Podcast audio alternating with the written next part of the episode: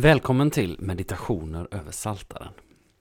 Tanken med de här inspelningarna, eller den här podcasten om man så vill, är att utifrån en vers ifrån Saltaren i Gamla Testamentet säga något litet som förhoppningsvis får bli till inspiration eller uppbyggelse eller fördjupning för dig som lyssnar. Alltså en vers ifrån Saltaren, några ord utifrån den versen och så en smula stilla musik. Varmt välkommen att lyssna.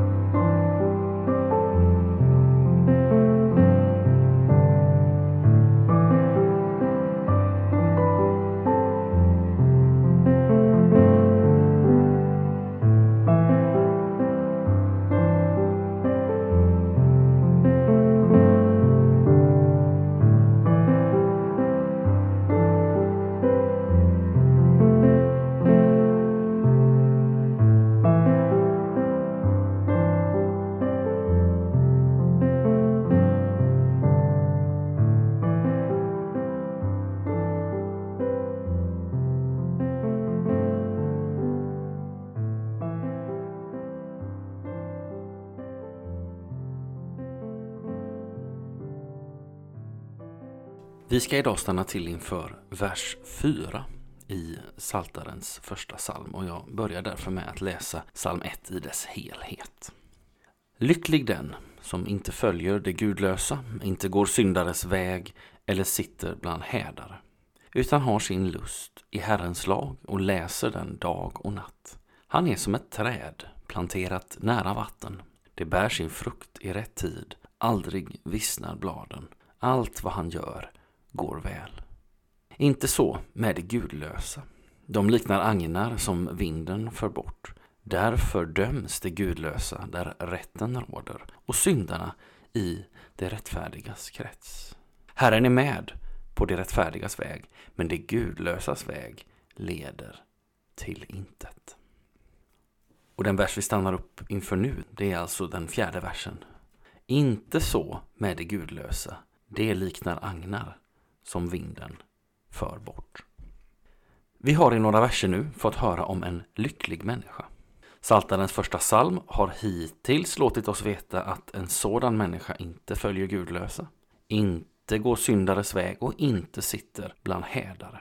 Den lyckliga människan har istället Guds lag som en lust och ständig följeslagare och det får konsekvenser. Den människan blir som ett träd planterat nära vatten. Så långt om den lyckliga människan. I den vers som vi stannar upp inför idag är perspektivet ett annat. Här får vi istället veta att inte så med det gudlösa. Det liknar agnar som vinden för bort.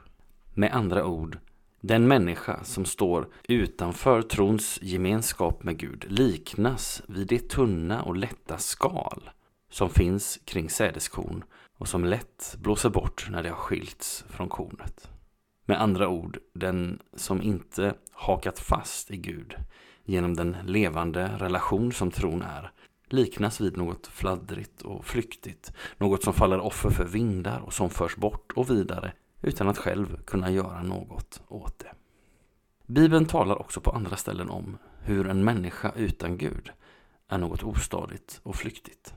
Till exempel används i en vers i profeten Hoseas bok flera bilder som liknar varandra för att beskriva en människa utan Gud. Hosea skriver Därför ska de bli som morgondimman, dagg som snabbt försvinner, agnar som blåser bort från tröskplatsen, rök ur ett fönster. Fyra bilder för att beskriva samma sak. Den som inte vill ha med Gud att göra liknas vid det flyktiga morgondimma, dagg, agnar och rök. Och vi läser detta i Hosea 13, vers 3. Det är viktigt att förstå att den här bilden inte är något fördömande eller nedvärderande fingerpekande utan ett konstaterande. Vi människor behöver ha en fast grund, något att haka fast i som håller under alla omständigheter. Bibeln menar att det bara är Gud som kan vara den fasta grunden. Kyrkofadern Augustinus, som levde mellan 354 och 430, han formulerade följande bön. Du har skapat oss till dig och vårt hjärta är oroligt tills det finner vila i dig. Den oro som Augustinus talar om är något som Gud vill möta och tilltala och hela. Jesus säger till vårt oroliga hjärta, känn ingen oro. Tro på Gud och tro på mig. Johannes 14, vers 1. Gud vill inte att någon enda människa ska stå utanför den gemenskap med honom som är trons liv. Tvärtom vill han att alla människor ska komma till tro på och lära känna honom. Paulus skriver i sitt första brev till Timoteus att Gud vill att alla människor ska räddas och komma till insikt om sanningen. Det läser vi i första Timoteusbrevet 2, vers 4. Korset är märkligt likt en människa med öppna armar som väntar på att få ta emot oss. Och det är just det som är Guds längtan för dig och mig. Att vi inte ska vara som agnar som vinden för bort, utan leva som Guds trygga, fria och älskade barn med vår rot och grund i honom. Som det står i Kolosserbrevet 2, vers 7. Vi ber. Kära himmelske Fader, jag tackar dig för att du bjuder in mig och alla människor att haka fast i dig. Tack att du Gud har blivit människa i Jesus Kristus för att tilltala mitt oroliga hjärta. Sänd din heliga Ande till min hjälp att leva med min rot och grund i dig. Det ber jag i Jesu namn. Amen.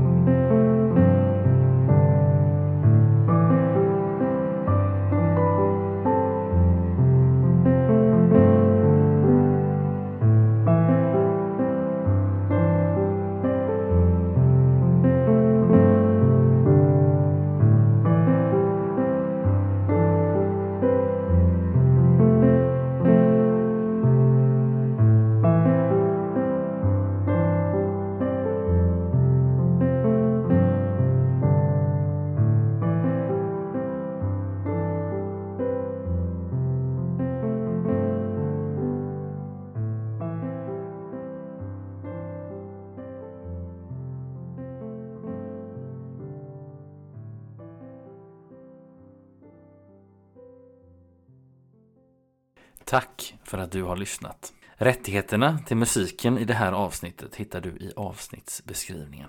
Tills vi hörs igen önskar jag dig allt gott och Guds rika välsignelse. Hej då!